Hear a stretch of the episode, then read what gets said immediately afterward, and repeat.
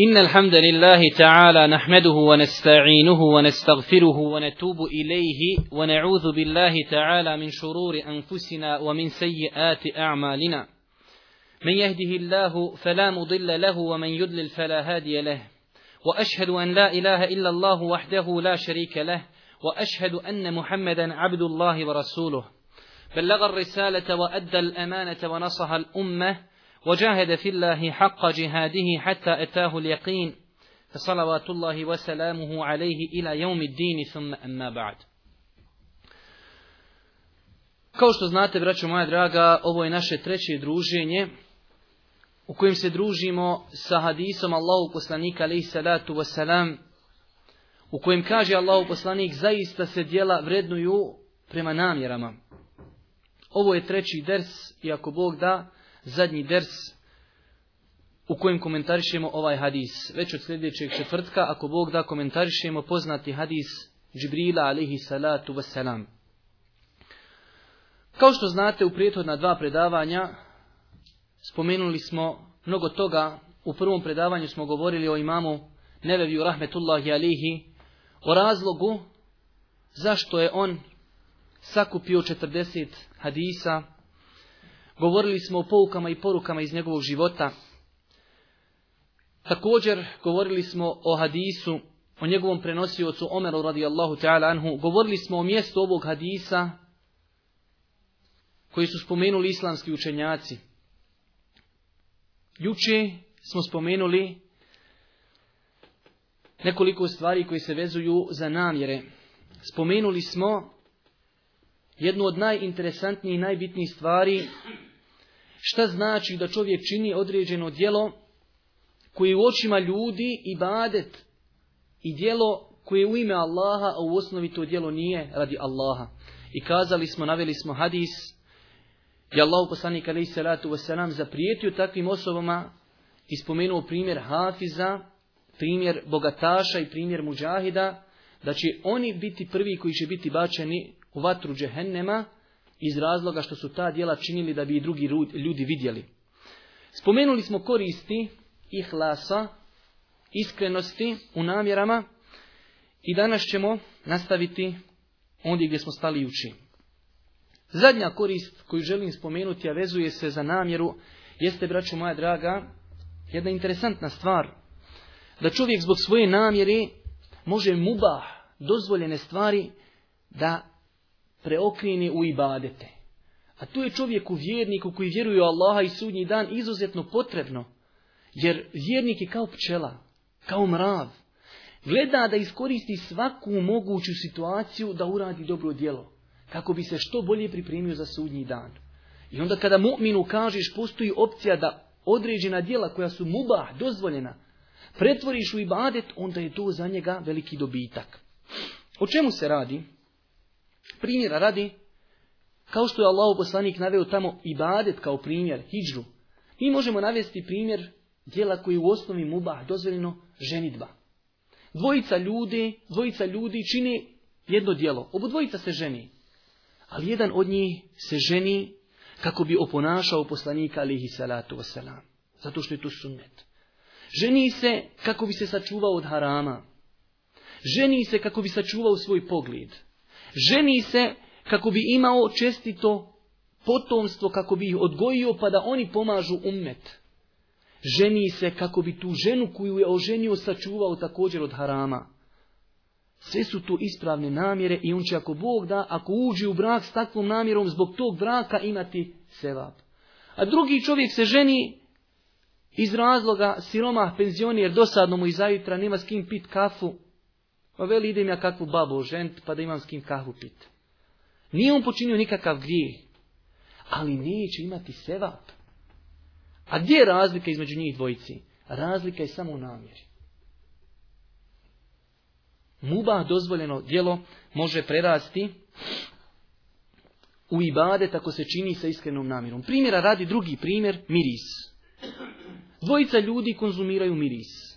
Jedan od njih se miriši i konzumira miris samo zato što je Allahu poslanik to činio. Ili iz razloga kada ode u džamiju da poštedi ljude neugodnog mirisa. A drugi koristi miris samo kako bi bio u trendu. Da ga sutra neko upita, a ti koristiš onaj miris što ga reklamiraju. Jest, jest, a e, onaj, onaj skupi. Ovaj će, neće imati nag, neće on biti griješan. To je mubah dozvoljena stvar, ali onaj drugi će imati sevap i nagre zato što je to radio, zato što je poslanik preporučio korištenje mirisa. Također, ovdje treba napomenuti da dobro shvatimo ispravno ne govorimo, braćo moja draga, da je zabranjeno koristiti i činiti muba stvari, ali govorimo samo kako muba stvar može prerasti u ibadet. Pogotovo u ovom današnjem vremenu muba stvari treba ispravno shvatiti. I čovjeku, vjerniku, u vremenu fitnije, smutnije, iskušenja, nema smetnje da čini muba stvari. Čak to može biti u jednu ruku i neki vid oduška u ovom teškom vremenu. Da čovjek sebi malo da oduška da malo iziđe sa svojom porodicom u prirodu, pa da se malo sa svojim hanumom i potrči, kao što je činio Boži poslanik, da se malo poigra sa djecom. Znači, to su dozvoljene stvari i lijepo je da i čovjek nekad malo prakticira, da se malo opusti u svemu tome. Kako bi napunio svoje baterije imana, kako bi mogao nastaviti da trči taj životni maraton, jer on ne zna kada će taj njegov životni maraton prestati. Zato je potrebno svemena na vrijeme da se čovjek malo Ajde da kažemo, onaj opusti. Također od interesantnih stvari u ovom poglavlju jeste, braćo moja draga, da namjera i nijet je izuzetno plodonosna u stvarima koje su šerijetom zabranjene, u tom bojkotu tih stvari. Najbolje stvari, kao što je Allah poslanik pojašnjavao primjerom, pojasniti stvari primjerom. Zamislite dvojicu ljudi, obodvojica sjede i dvojicu pitaš, pušiš li ti, konzumiraš duhan, kaže dvojica, ne. Kažeš jednom, što ti bola ne pušiš? Kaži, pa kako ću pušiti, tu je zabranjeno. Ulema daje fetve da je to zabranjeno. Šteti. nade ti se da ta ima sevap. Kažeš drugom, što bolan ti ne pušiš? Kaže, brate, bio kod doktora. Kaže, doktor, ako nastavim pušit, brzo ću A ja toliko volim duhan, ja njega sanjam. Ali ja to ne radim samo da bi što duže živio. Ovo dvojica su u redu. Ali ovaj će imati veću nagradu zato što to čini iz ubjeđenja da to radi zbog vjeri. Ili drugi primjer. Dvojica ljudi u toku Ramazana ne jedu. Kaže ti ovo mi jedeš, kaže ne jedim, jedeš ne jedim. Kaže ti ovo mi jednom što ne jedeš, kaže pa Ramazan, ne smije se jest ništa. Kaže drugom što ti ne jedeš, kaže brate ja bio kod doktora i kaže visok mi pritisak i rekao mi ne smijem ništa jest u toku dana. A postiš li ti inače imaš, ma kakav pozbolan, ali gladni dvojica. I ne jedu od sabaha do akšama dvojica. A jedan ima seva, pa drugi nema. Zbog čega? Šta je razlika? Oni u vanjštinu dvojica gladni. Ruči crijeva obo dvojici. Ali nagrada će biti shodna namjerama, braću moja draga. Ovdje se postavlja jedno interesantno pitanje, a to je ako smo vidjeli koliko veliku bitnost ima ta namjera, pogotovo iz prošlog predavanja jučerašnjeg, Postavlja se pitanje kako onda čovjek da ojača tu svoju namjeru, da je popravi, da je očisti. Što je logično. Pogotovo kada smo jučer vidjeli koliko opasno može biti činjenje dijela radi ljudi. Jedna od najinteresantnijih, najprodonosnijih onaj metoda kako čovjek može da izliječi ako u sebi ima imalo onoga što nije dobro u njegovoj namjeri jeste da čovjek razmišlja o Allahu, njegovim svojstvima i njegovim imenima i da zna da ono što ljudi vide da nije pojenta u tome, da je pojenta u onome što je u čovjekovim grudima. A to uzvišeni Allah zna. I čovjek kada zna i kada je svjestan činjenici da Allah zna šta je u tvojim grudima, pa onda nema logike da ti to radiš zbog nekog drugog. Jer ti si svjestan da Allah zna zbog koga ti to radiš. Zato kažemo da čovjek razmišlja o Allahovim svojstvima i imenima. Allah sve vidi. Allah sve čuje. Allah sve zna. Sve zna. Ono što u tvojim grudima i u tvome srcu, Allah to znade. Mnogo je kuranske ajeta, nažalost, o kojima mi ne razmišljamo. Koliko puta mi svaki dan poslije sabaha slušamo Alimul gajbi vaše šehade. Ali treba ljudima kazati šta se to uči, pa da ljudi znaju. Alimul gajbi vaš šehade. Onaj koji zna, kaže ono što je javno i tajno. Ali mul gajbi vo šehade. Zna što je tajno i što je javno. A, ti kad znaš da Allah zna što je javno i što je tajno, džaba ti onda klanjati namaz radi ljudi, jer ti znaš da Allah zna da je to zbog ljudi. Poslušajte ovaj drugi ajet zaista ga nisam mogao preskočiti u mnoštvu ti ajeta koji govori o gospodaru subhanu wa ta'ala. Kaže uzvišeni Allah, Allahu ja'lemu ma tahmilu kullu unsa wa ma tagidu al-arhamu wa ma tezdad, wa kullu še'in indahu bi miqdar, alimu l'gajbi wa šehadati l'kabiru l'muta'al, sewa'um minkum men asarra al-qala wa men jahra bihi, wa huwa bil leili wa بالليل bin nahar Poslušajte samo jedan kuranski ajet, odnosno u jednoj kuranskoj suri, a to su tri ajeta. Allah zna šta svaka žena nosi. Prva stvar, kaže, Allah zna šta svaka žena nosi. Dobro. Kažu, pa dobro, danas ultrazvuk znaju. Dobro, a pogledajte dalje. Kaže, on zna koliko se materica ženi, znači materica ženi kako se dijete razvija. On kaže, zna koliko se svaka materica rasteži i koliko se skuplja. To zna uzvišenje Allah subhanahu wa ta'ala. Pa kaže, u njega sve ima mjeru, on zna vidljivi i nevidljivi svijet. Opet i u ovom ajetu Allah Đelešanu potvrđuje tu činjenicu pa kaže on zna vidljivi i nevidljivi svijet. Pa onda kaže na kraju za njega je jednak od vas onaj koji tiho govori i onaj koji to glasno čini. Onaj koji se noću skriva i onaj ko po dan hoda. Sve za Allah isto. A ti govorio tiho, a ti govorio na glas. A po noći radio grijeha po dani. Isto. Kaže Aisha radijallahu ta'ala anha, poznato je zašto su objavljeni prvi ajeti sure El Mujadele, sura koja počinje znači treći džuz, odnosno 28. džuz, onaj kad semija. Kaže, došla je žena Allahom poslaniku i žali se na svog muža. Kaže, mi smo u mojoj sobi. I ja, kaže, nešto čujem šta oni govori, ali nešto i ne čujem. Ali u istoj smo sobi. Allah Đelešanu onda objavljuje ajete, kaže, Allah je čuo ono što je govorila ona koja se žalila na svog muža. Iznad sedam nebesa čuo ono što su oni šapatom govorili, a iša od njih metar i po dva ne čuje. Allah objavljuje ajete. I to kada čovjek ima na umu, onda definitivno je to izuzetno jako sredstvo kako čovjek da očisti svoju namjeru. Također, kazali smo, spomenuli smo to čovjek kada čini djela. Inače, svoj život treba da zasniva na vezi između njega i gospodara da ne obraća plaho pažnju šta ljudi misle o njemu. Normalno, mi kao vjernici trebamo paziti šta društvo o nama govori. Ali čovjek treba da bude iskren i da se ne zavara to što ljudi one kome misle loše da je ta osoba loša. Ili suprotno, čovjek najbolji zna sebe. Pogledajte ovaj hadis koji zabilježio Buharija i muslim od Sehli ibn Sa'da radijallahu ta'ala anhu.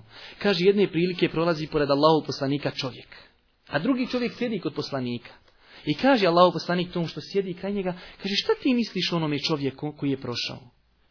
Kaže Allahu poslaniče, to je jedan najugledniji insan u našem društvu. On kaže kada bi ošao nekome prositi, isprosio bi mladu.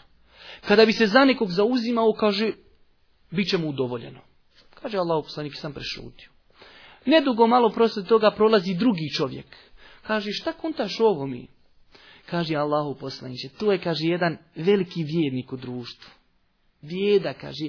On, ako bi ošao prositi negdje, sigurno neće biti ta mlada isprašena. Ako bi se za nekog zauzimo, kaže, nema ništa, to njegovo ne, ne pije vodi. Kaže Allahu poslanik, e vidiš ovoga. On je bolji kod Allaha od čitave zemlje, kad bi se napunila oni malo prije što je bio. Čitava zemlja da se napuni i svi na jednu vagu, ovaj na jednu vagu ne bolji, kaže od njih. Hadis Buhari muslim. A pa pogledajte kako je bio miziran u očima ljudi. Pa kaže siroma, ništa, gdje god da bi ošao u nikoga ne ferma. E to je to što čovjek treba da zasniva svoj život na vezi između njega i gospodara. Normalno u granicama dozvoljenog treba da pazi šta će društvo o njemu misliti. Ali definitivno, definitivno iskreno se ogleda u onome što je između nas i našeg gospodara. Zato kaže Allah u u drugom hadisu koji izbilježi muslim, zaista Allah ne gleda, gledajte tri stvari, niti kaže u vaše izglede, niti u vaše imetke, niti u vaša tijela. On gleda u vaša srca i šta još? Dovoljno sam kaj vošno, ja vjerujem, u mene srce kaže čisto, jest, u paprikama. Kaže, gleda u vaša srca i u vaša dijela. Ako ti je čisto srce, mora, mora pokazati to na dijelima to ne kaže, kaže Boži poslanik, gleda samo u srca. Ne, u vaša srca i u vaša djela. A to neko nema oka, neko ima oko, neko bez ruke, neko sa rukom. To kod Allaha nema težinu. Čak kontra, suprotno tome, može biti iskušenje. Da imaš blagodat pa ju propastiš. Imaš vid pa ga ne, ne čuvaš kako treba. Onaj ko nema vida, neće biti ni pita. Znači, Allah ne gleda u imetke ne gleda u naš izgled u naša tijela, ali gleda u naša srca i u naša djela. Također od interesantnih stvari da se spomenu ovom prilikom kako ojačati namjere jeste da čovjek neprestano ima na umu da treba da se od njega očekuje da bude zavalan Allahov rob, da je Allah taj koji nam je dao sve te blagodati. I onda će to čovjeka asocirati da čovjek čisti svoju namjeru. Allah mi je to sve dao. Pa njemu treba da očisti nam, da zbog njega činim djela. A koliko je blagodati kojima nas je uzvišeni Allah subhanahu wa ta'ala počastio. I s druge strane da čovjek bude ubijeđen. Da se Allahova milo zaslužuje djelima. Ali djelima se ne može ući u džennet. Već mi djelima našim ovo što mi prakticiramo, tražimo Allahovu milost, a ne ulazak u džennet. Jer definitivno niko neće ući u džennet zbog dijela. Kaže Allah poslanik alaihi salatu wasalam u hadisku koju zabilježi Buharija i Muslim. Kaže, niko od vas neće uspjeti zbog svojih dijela. Niko neće ući u džennet zbog dijela. Niko. A sabi začuđeni, dobro, mi, eto, hajde. Kaže, pa čak niti Allah poslanić. Kaže, čak nija. Osim ako me Allah, kaže, obaspe svojom milošću. Znači, nema u džene da uđeš bolan što si zaslužio. Nije, to zaboravi. I ovo što mi radimo, mi ne radimo da bi zbog toga ušli u džennet. Mi radimo da dobijemo Allahu milost pa da uđemo u džennet. Da nam se Allah smiluje. Zato smo pokorni.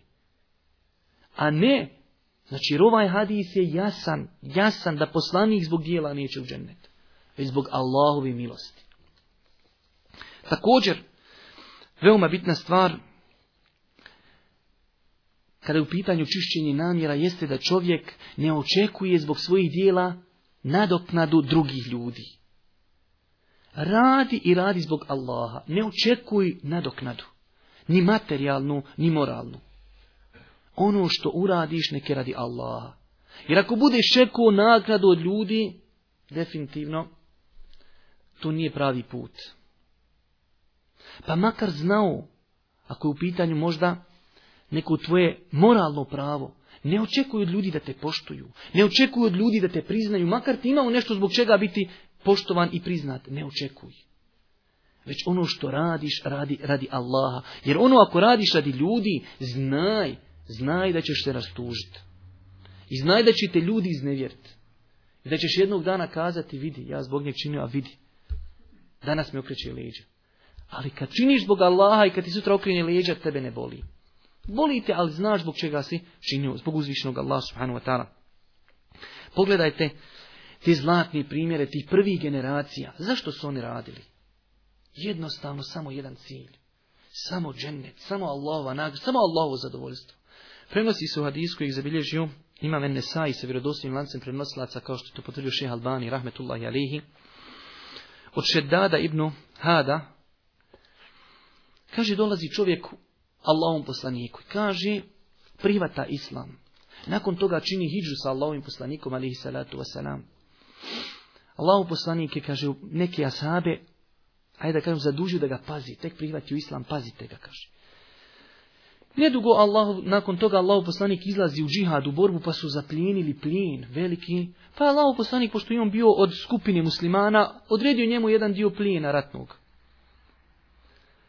Kaže, odnesite tom i tom. Kada su mu odnijeli, kaže on, šta je to? Pa kažu, to je tvoj udio u ratnom plijenu. I ono onaj svoj ratni plijeni poslaniku. Kaže, Allahu poslaniće, ja tebe nisam slijedio zbog ovoga. znam što mi šaljete. Znači, moji namjere uopšte, ja nisam u islam ušao zbog toga. Takvi će istrajati. Ja znam da Allah oprosti koliko ljudi nakon rata, nakon rata po nekim gradovima gdje su bile organizacije, gdje se dijelo i šakom i kapom, dok je bilo šakom i kapom tu su bili. Dok je prestalo, dok su se započeli zaključavati nema i nigdje na mapi. On kaže, mene to ne interesuje. Kaže, ja sam tebe, kaže, slijedim. Pogledajte, kaže da idem u džihad i da me ovdje pogodi, podigo vrati, kaže, evo ovdje da me pogodi, da umrem od toga i da uđem u džennet. Kaže Allah poslani kratko jasno. Kaže, ako budeš iskren, Allah će potvrditi tvoju iskrenost. Završna stvar, ne mogu ti ja ući tvoje srce, Allah zna. Kaže, nedugo nakon toga muslimani su napali nevjernike. I njega donosi Allahovom poslaniku, donosi odnosno Mejita, pogođen u grlo. Na isto mjesto gdje je pokazao. Kaže Allahu poslanik, li to on? Kažu on Allahu poslaniće. Kaže, saddaka Allahe, fa Allah. Bio je, kaže, iskren, pa je Allah potvrdio njegovu iskrenost. Kaže, pa je Allahu poslanik skinuo svoje džube, pa ga zamoto u svoje džube i klanio u dženazu. Kaže ovaj prenosioc, kaže između ostalih stvari koje smo čuli da, da ovi za njega kaže Allahumme hada abduke. Harađe muhađiran fi sabilillahi qatala hatta kutile, wa ene shahidun ala zalik. Kaže gospodaru, ovo je tvoj rob. Allahu poslanik za njega dovi i govori kaj gospodar ovo je tvoj rob, izišao je na tvom putu kao muhađir, prvu činu hiđu. Pa je kaže otišao u borbu i poginuo ko šehid, a ja svjedočim da je šehid. Allahu poslanik kaže: vo ene šahidu ala zalik." Ja svjedočim da je on šehid. Lika, ja se nisam borim, ja se ne borim zbog toga. Ja, kaže, hoću bolan da poginem, da me ovdje pogodi, da, kaže, da uđem u džemljet. I to je iskrenost, to je namjera, braćo moja draga, koju čovjek treba da ima. Nema dunjaluk, nema smete čovjek ima, ali i badet se ne radi zbog dunjaluka.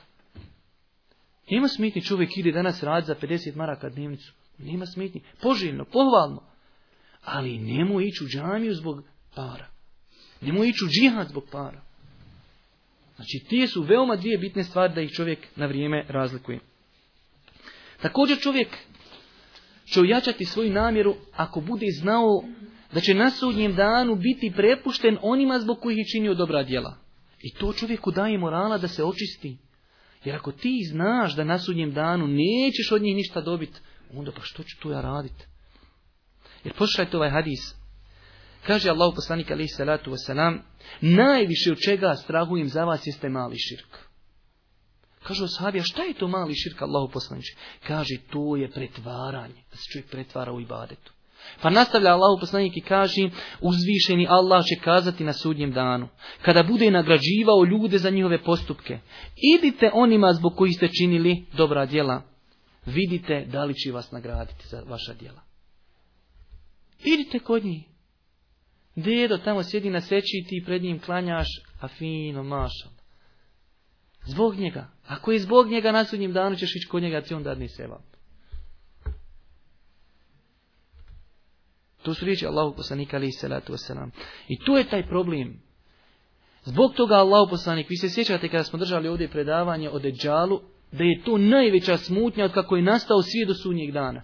A Allahov poslanik u vjerodostojnom hadijsku, koji ih zabilježi imam Mađe sa vjerodostojnim lancem prenosilaca kaže jedne prilike kada je izašao iz kuće i zatekao asabe govori o deđalu.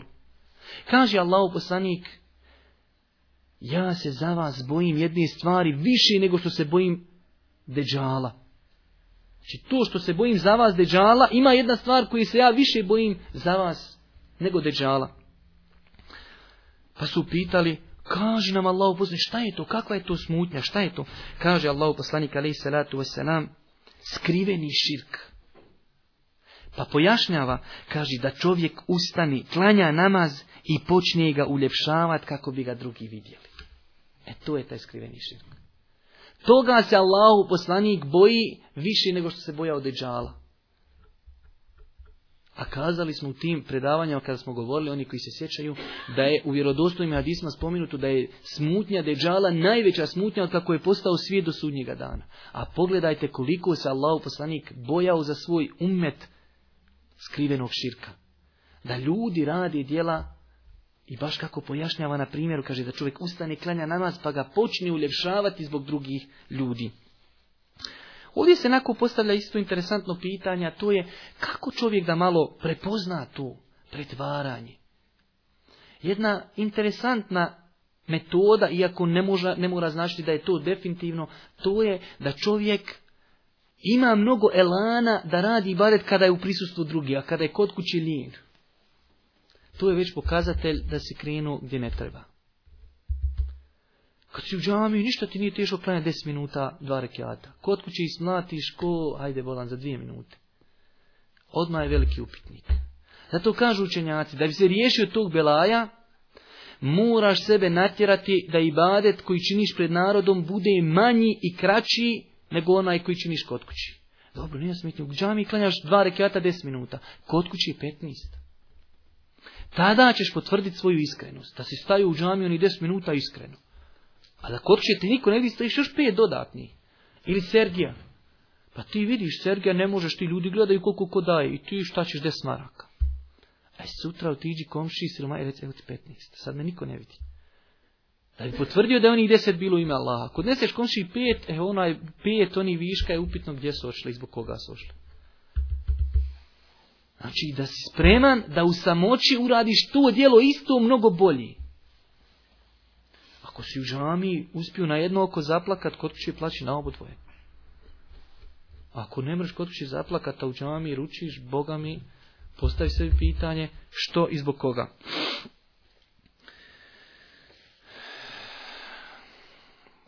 Također interesantna stvar koju činjaci spominju u tom pretvaranju i nepretvaranju, dijelo kaže, ako je čovjek poznat kao dobar govornik, da dobro razumije i dobro svima odgovara, kaže on treba da se natjera kad je u društvu da bi savladao pretvaranje da šuti. Da ne bi poslije došlo mu šetan pa kaže, daj sad pričaj, da, da svi ljudi vide kako ti dobro pričaš. E on kaže da bi potvrdio svoju snagu i jačinu namjeri, treba da šuti. U određenim momentima. A onaj kontra imamo i one koji šute pa ljudi poslije kažu, e mašala, Ma on šuti, ma to je zaliveno. On treba pričati da bi pokazao da ima čvrstu namjeru zbog svoje šutnje, on treba nekad i progovoriti. Da bi pokazao koliko je čista njegova namjera. Uvijek šuti, pa ljudi počnu ka, mašala, on šuti, a njegova riješ dukat. I on poslije kad šuti, a sad ću ja šuti, da i dalje ljudi o meni imaju lijepo mišljenje. E ti trebaš sad progovoriti. Da bi pokazao koliko kontrolišeš svoju namjeru. Također, interesantan metod kako se čovjek može zaštititi od pretvaranja jeste da moli Allaha da ga zaštiti od toga. Jer pogledajte ovaj hadis koji zabilježu imam Hakim sa vjerodostojnim lancem prenosilaca kaže Ashab koji se zove Ma'kal ibn Jesar otišao sam sa Ebu Bekrom kod Allahovog poslanika alihi salatu wasalam. Kaže Ebu Bekru se obraća Allahov poslanik. Zamislite, Ebu Bekr najbolji insan, čiji iman je toliki kada bi se svi ljudi stavili na jednu vagu, na jedan tasa Ebu Bekr na drugi, prevagnuo bi iman Ebu Bekra. Kaže njemu Allahu poslanik, Ebu Bekre, širk je više skriven među vama od gnizanja, koračanja mrava. Toliko je skriven šir, toliko ga ljudi znaju sakrit, da je to skrivenije, kaže, i teže ga oprimjeti nego koračanje mrava. Ko može čuti koračanje mrava? E tako ljudi su spremni pretvaranje umotati u celofan. Kaže Ebu Bekr, Allah zar ima neki drugi širk osim da čovjek smatra da je neko drugi božanstvo mimo Allaha?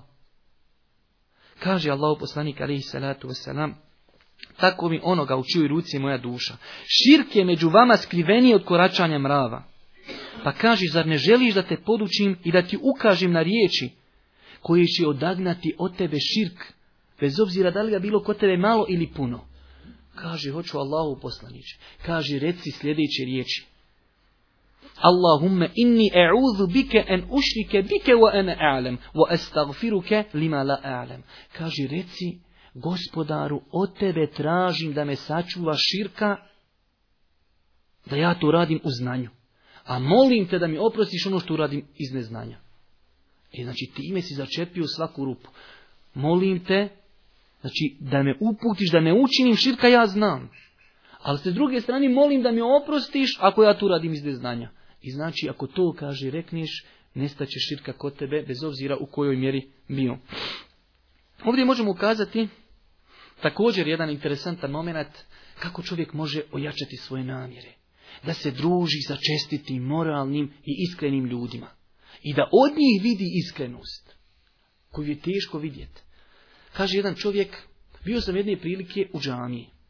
Kaže, pa je Imam Buharija razgovarao sa ljudima. I jedan od njih čovjek je, kaže, nešto se dirao po bradi, tamo vam, kaže, i dlaka s njegove brade je pala na mesčit. Kaže, tu Imam Buharija primijetio. Ali, kaže, nije reagirao. Kada su se, kaže, svi ljudi razišli oko njega, ali Allah hoće da se nečija iskrenost ipak prenese. Kaže, razgleduje lijevo, pa desno. Kada je vidio da ga niko ne gleda, kaže, sageo se i stavio u džeponu. Kaže, pa je otišao napolje i opet, kaže, pogledao lijevo i desno, a ova i dalje prati, ali on ne vidi. Kaže, pa je onda izvadi ono i ba. Nije ti oni da ga vidi kad je ikod, kad je uzimao ni kad je bacao. Zbog iskrenosti. Ali opet Allah dao da ga neko vidi pa da nama prenese tu priču. A to druženje sa iskrenim osobama je velika i dobra metoda da čovjek ojača svoje namjere. Ovdje možemo isto ukazati na jednu interesantnu stvar, a to je da imate određene skupine ljudi koji su određenim pitanjima malo onaj skrenuli sa džadi, gdje kažu, baš konkretno kada govori o iskrenosti, kaže nije iskrenost da ti želiš džennet. I da radiš djela bojeći se džehennema. Kažu to nije iskrenost. A što je, braću moja draga, definitivno gledano kroz prizmu šarijata neispravno. Ispravno je da čovjek radi djelo želeći time Allahovo zadovoljstvo, nagradu, džennet. Jer pogledajte ovaj hadis, interesantan, koji zabilježi mame budavu sa vjerodostojnim lancem prenosilaca. Dolazi, kaže čovjeku, dolazi čovjek sa Allahom poslaniku i kaže mu Allahom poslanik, šta ti, kaže, doviš Allahu?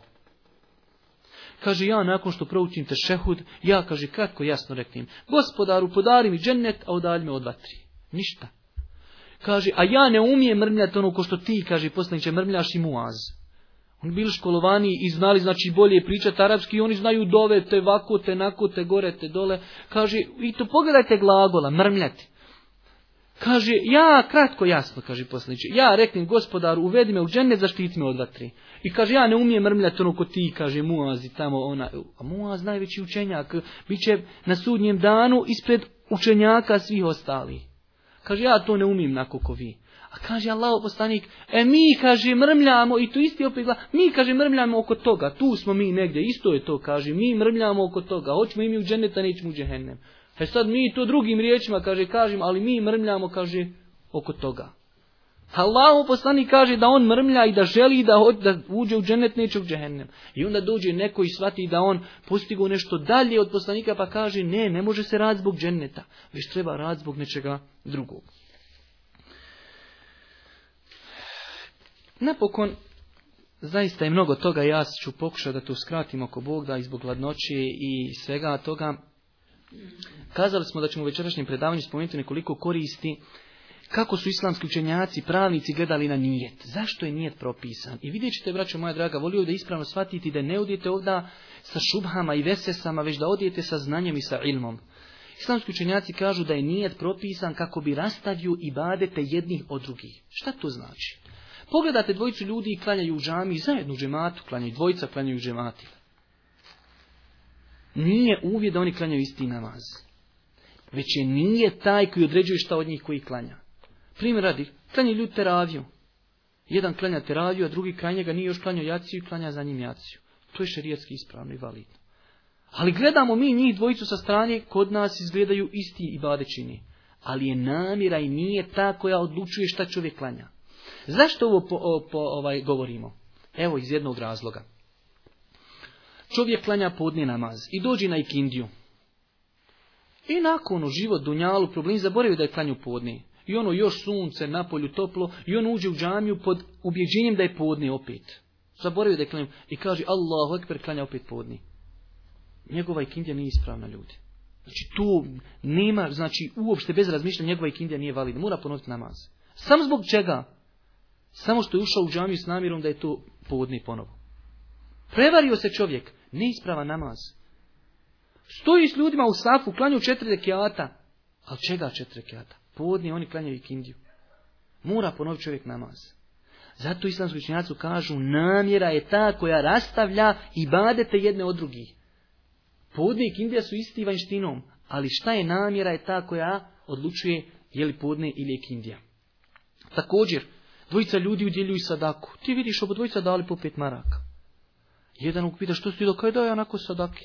Drug pita što ti kaj ja dao zekijat. Isto djelo, ali gdje je razlika u njihovim srcima? Jedan daje zekijat, drugi daje sadaku. Ili dvojica ljudi kolju ovce, jedan do drugog. Kažeš jednom šta ti radiš, kaj koljem kurban. Kaže drugom šta ti radiš. Kaže ja koljem, rodilo mi se dijete koljem akiku. Ali vanština djela ista, a gdje je gdje je razlika u namjerama? Također, nije te propisan da bi se rastavili običaj od ibadeta. E ovdje je malo već škakljivije. Običaj od ibadeta. Zamislite čovjeka, to se može definitivno desiti, samo ako čovjek pazi. Ovdje normalno kažemo treba paziti da čovjeku šeta ne priđe sad s ove strane. Čovjek ode u kupatilo, naučio svaki dan abdesti. I dođe, iziđe iz kupatila, ah nam, pa njemu pa vidi sve opru što je trebao pri abdestu a Ali nije ušao s namjerom da abdesti. Ali vidi sve opru. Je vali da njegov namaz? Abdest. Nije, braćo moja draga. Džava što je sve opru. Moraš imat namjeru da hoćeš abdestit. Ili čovjek džunup. Čovjek džunup. Ovo je znači po ispravnijem mišljenju, a kazat ćemo me sebe po tom pitanju. Čovjek džunup i treba da se kupa. Među vremenom čovjek hoće nešto malo radit napolje i uznoji se. Između ostalog zaboravio da je džunup. I ode i kaže, ode da se okupa zbog znoja. Znači čovjek znojan bio na polju radio, on džunup. I ode da se okupa, kaže znojan sam, ima naviku kada je znojan da se okupa. I ode s namjerom da se okupa zato što je znojan. Taj čovjek i dalje džunup ljudi. Makar sve sklasi ono što je treba sklasiti da bude šerijatski čist. Gdje je razlika? Samo da kada je ulazio u kupatilo, da je u srcu kazao i da je zanijetio, pa kad idem se kupa, od znoja, ja, još pa ja sam džunu, da se okupam, da šerijetski pravno postanem čist, validno.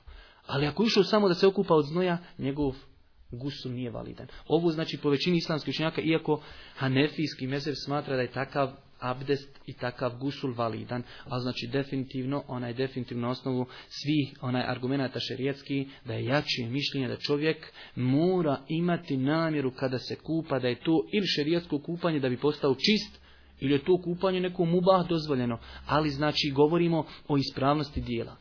E zato, zašto smo rekli razlika između običaja i badeta? Kupati se da bi očistio se od znoja je običaj a kupati se s namjerom da podigneš od sebe šerijatsku nečistoću, pravnu, džunupluk, e to je nešto drugo.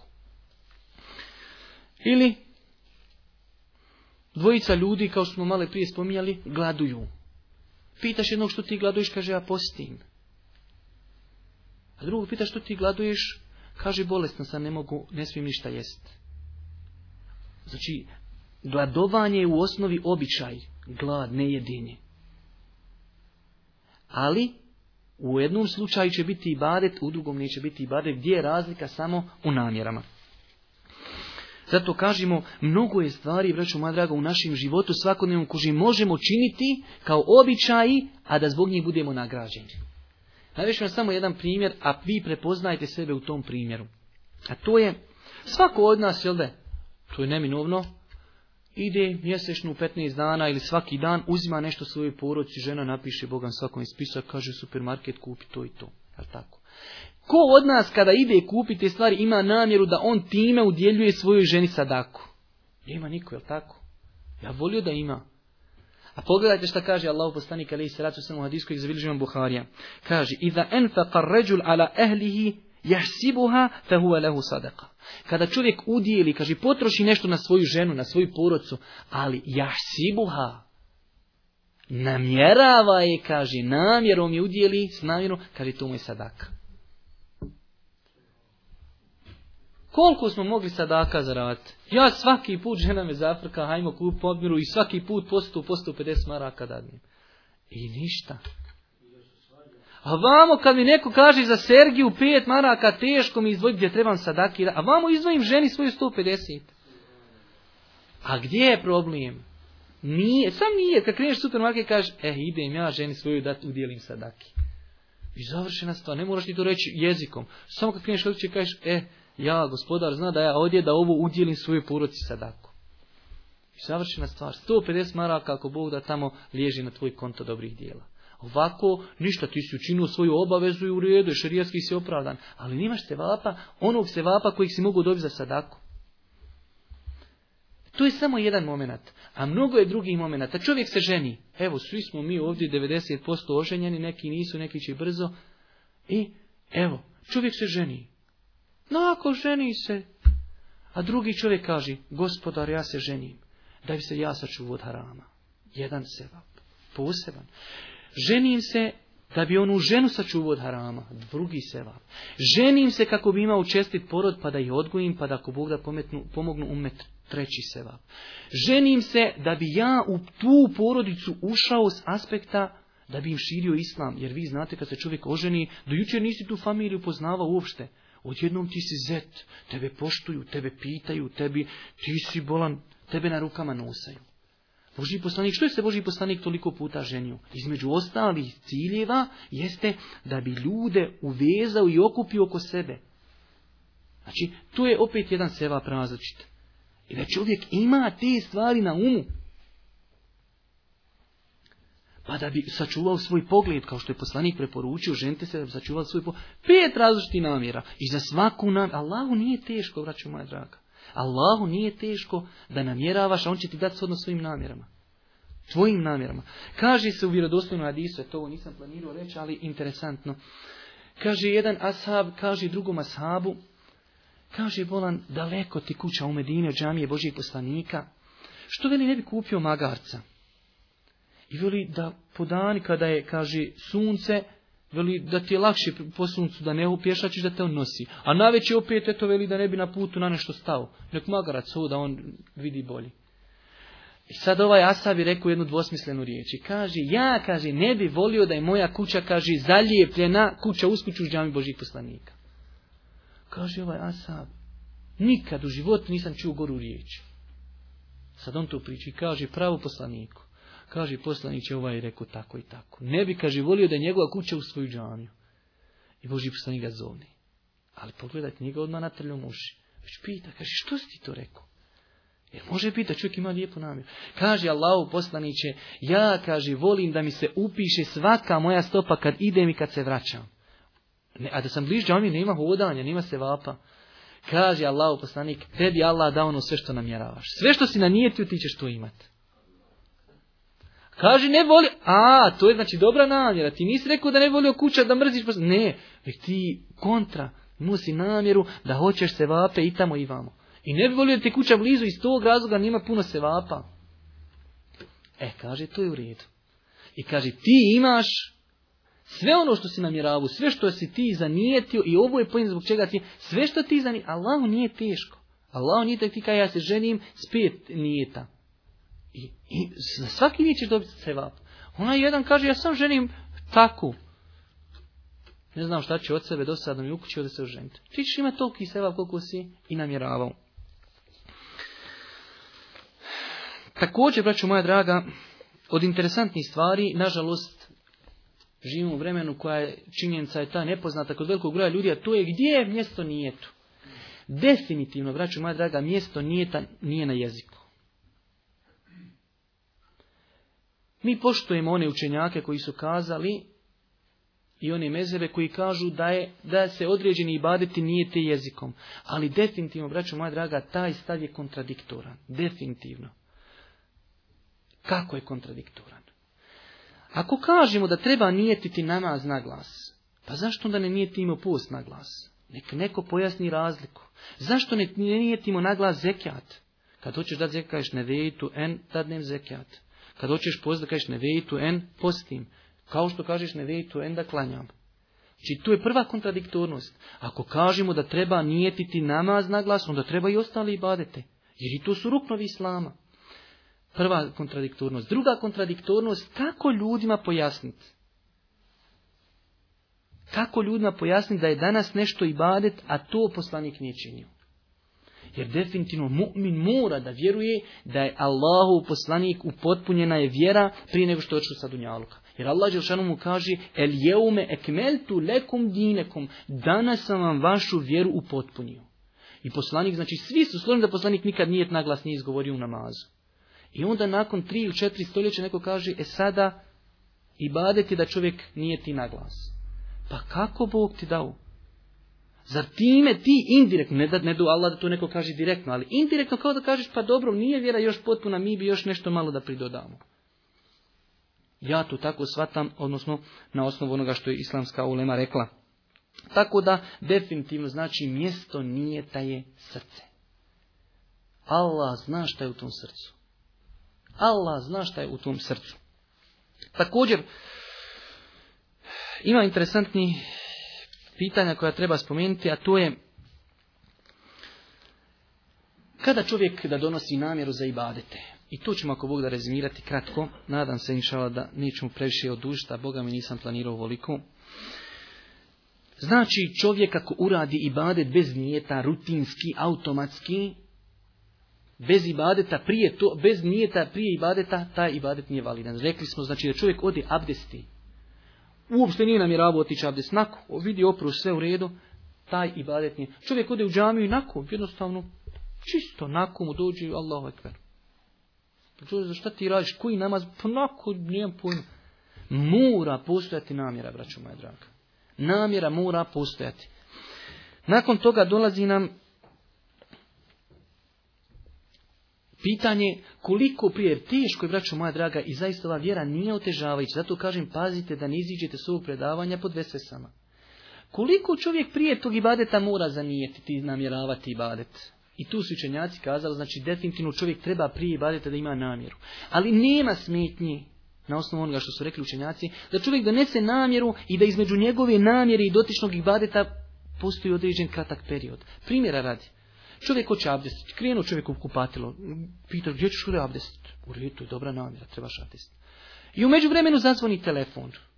I on se javi, selam, kako ste, hoćete doći, hoćemo spustiti, slušalci ode u kupatilo. I on u tom momentu ga upita šta ti radiš, jesi zanijetio sad, on bi rekao nisam. Ali je dovoljan onaj nijet kad je on krenuo i prekinuo je kratko i on kad je otišao više ne ide rutinski, on ide pod onim uticajem onog prvog nijeta, ode da abdestim ali je problem ako njega neko nazovi iz Australije, a kod njih jeftin poziv i oni dva sata pričaju.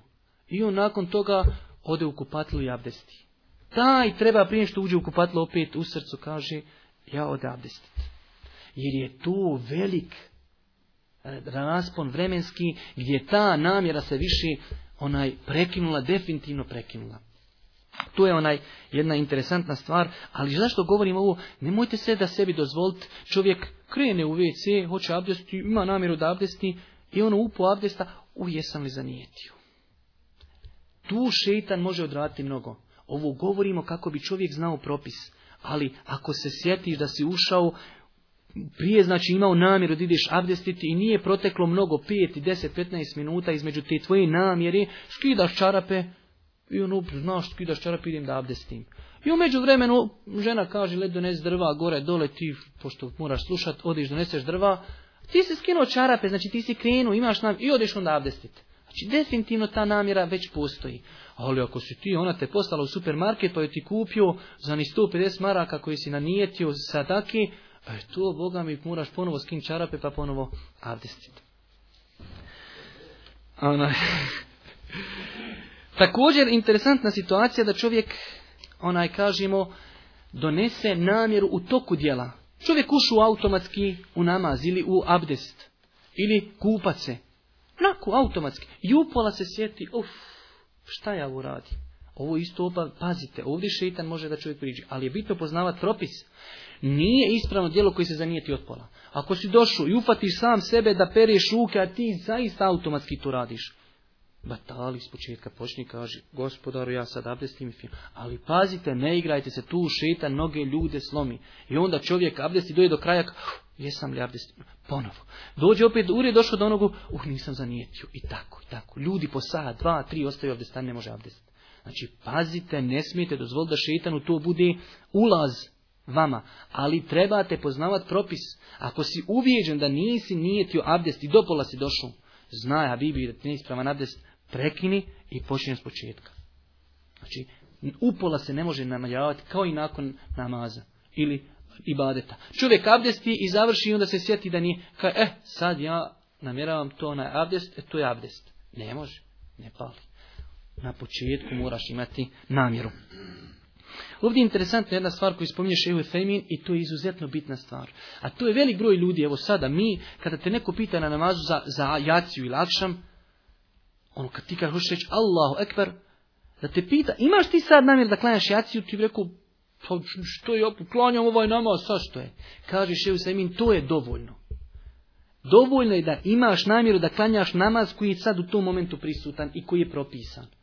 Jer ti si od kuće krenuo, što znaš, odeš na akšam. I ti u onom datom momentu možda nemaš namjeru, evo klanjam sad akšam. Ali je dovoljna namjera, klanjam namaz koji sad se klanja, koji sad prisutan. I on kaže, zaista ako bi ljude tražili od ljudi da u samom početku imaju namjeru da taj striktno namaz klanjaju, kaže, time bi otežali ljudima mnogo vjeru. Znači, dovoljna je namjera da čovjek kaže, kad bi ga neko zaustavio, kaže, šta ti, on bi rekao, jaciju, ali mu kažeš, jesli je namjeravao kod riječi Allah ojkver pa ja namjeravam ono što hođa klanja. E, to je to. Znači, to je inšala dovoljno po ispravnom mišljenju islamskih učenjaka. I na kraju, zadnja stvar, braću moja draga, onaj, ima mnogo toga, zaista, onaj, moramo te neke stvari skratiti. Ovo je bilo pravno, fiksko, kako ljudi gledaju učenjaci na nijet. Imamo drugi stvar, drugu stvar, a to je aspekta akide. Čovjek namjerava i zbog koga namjerava djelo. Možemo podijeliti tu nekoliko situacija. Prva situacija je da čovjek od početka do kraja radi djelo zbog nekog drugog. Čovjek fino došao u džamiju i vidio tamo oni ga gledaju i on od početka kaže Allah, ekber, ali odmah ići, e sad ću ja to fino, polako, skrušeno, preda se, gledam, nek oni vide kako ja to fino znam. I sve do kraja tako ga šeitan uzjači, do kraja on to zbog njih uradi. To djelo je definitivno batil. Jer nije zbog Allaha, od početka do kraja. I to se, inša ne može desiti iskrenom vjerniku. Jer Allah tako opisuje munafike, kaže Innal munafiqine na Allahu wa huwa khadiuhum. Iza qamu ila salati qamu kusala yura'un nasa wa la koruna Allah illa qalila. Licemjeri misli kaže, će Allaha prevariti. On će ih za varanje njihovo kazniti. Kada ustaju da molitvu obavi, lijeno se dižu i samo zato da bi se pokazali pred svijetom. Znači, oni nama dobili samo da bi se pokazali pred svijetom. A kažu Allaha skoro i da ne spomenu. Znači, to je inša nešto što se ne može mu'minu desiti, ali da znate propis osobi koja kanja namaz od početka do kraja i bilo koje drugo djelo uradi od početka do kraja zbog druga što ga drugi vide, batil neispravno. Imamo drugu činjenicu, a to je da čovjek radi djelo radi Allaha, sigurno. Ali mu se pomiješa, malo pomiješa, gleda ga neko. E to možemo podijeliti u nekoliko kategorija i molim vas da budete pažljivi, time ćemo ako Bog da završiti ovo predavanje. Imamo situaciju da čovjek od početka radi djelo radi Allaha, ali mu se od početka pomiješalo da ga neko gleda i da on to malo uljepša. To djelo je po ispravnom mišljenju čenjaka neispravno. Znači kod Allaha nije makbul i nije primljeno. Imamo drugu situaciju, a to je kad on započne zaista iskreno ima Allaha, ali upola i badeta ili pred kraj, on čudni neko unišo i sjede oni za njega i priče i viću mašo što je ovaj pobožan. Evo, e, sad, e, sad ću ja veli vama pokazati kako sam ja pobožan. Sad ćete vidjeti, ja ću na seždi dugo, na ruku, smireno, skrušeno, sve to. U ovoj situaciji, ako upola i badeta, onda imaju dvije opcije da je to ibadet koji se ne može raspoloviti, tada je taj ibadet neispravan. Kao namaz. Namaz se ne može raspoloviti. Ako si uprljio onaj zadnji dio, gotovo ne to nikako osjećaš da kažeš ono prvi reka dobar, drugi nije. Zato što je namaz od tekbira do teslima, do predanja lama jedan ibadet. Pokvario se ga čitavog. Ali ibadeti koji se mogu podijeliti, onda je pokvaren samo dio gdje ti je naletio to pretvaranje. Pa čovjek u toku dana udjelio deset sadaka različitih. Prvu udjelju ime Allaha, drugu ime Allaha, treću ime Allaha, već četvrtu kad je davo, uf, kaže, Boga mi, gledaju mene, ja trebao to da dadnijem, neko oni vide kako se ja puno dajem. On tri, nema veze, primljena kod Allah, ova četvrta je belaj. Pa opet petu kaže, evo, to be, jare, Afrika se dade zbog trudi, zbog Allaha, peta, šesta. Znači, badeti koji se mogu podijeliti i nisu njihovi dijelovi povezani, onaj dio u kojem se desilo pretvaranje neispravno dok je ostalo inšala ispravno. I zadnja opcija to je da se desi da ljudi počnu hvaliti čovjeka nakon što je završio djelo. Čovjek radio ima Allah djelo i nakon toga čuje kako ga ljudi hvali. Da li to može utjecati na čovjeka? Za to djelo koje učinio ne može. Gotovo, on je njega završio ali može utjecati za budućnost, ne do Allah da on počne.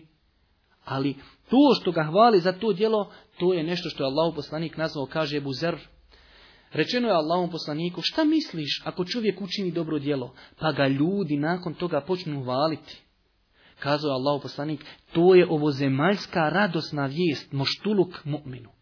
To je radosna vijest i moštuluk mu'minu, znači to je nešto što on, eto, dozvoljeno je na šerijatu, šerijetu da, da osjeti tu slast. Završio si dijelo ima Allah, pa te ljudi poslije pohvali zbog tog dijela. To djelo, inša Allah, je kod Allaha primljeno, a to što tebe ljudi hvali, to je hajde da kažemo, jedan vid moštuluka i radosne vijesti da ti na Dunjalu uživaš autoritet zbog toga što si pobožan. Ali pod uvjetom da je djelo od početka do kraja ima Allaha i pod uvjetom da paziš da te to ne prevari da drugo djelo kad budeš činio da ti povrka namjere. Bilo je tu još neki propisa koji sam želio da vam spomenem, ali bojim se zbog onaj hladnoći da, da je to već predugo. Molimo Allah Đelešanu da ono što smo čuli bude dokazom za nas, a ne protiv nas da nam to olakša prakticiranje Allahove subhanu wa ta'ala vjeri. Molimo ga subhanahu wa ta'ala da nam olakša, da očistimo naše namjere, da naša djela budu iskreno radi Allaha. Molimo ga subhanu wa ta'ala da nam budi milostiv na sudnjem danu i na kraju subhanika Allahume da bihamdike šedun la ilaha illa ente estagfiruke wa etubu ilaik.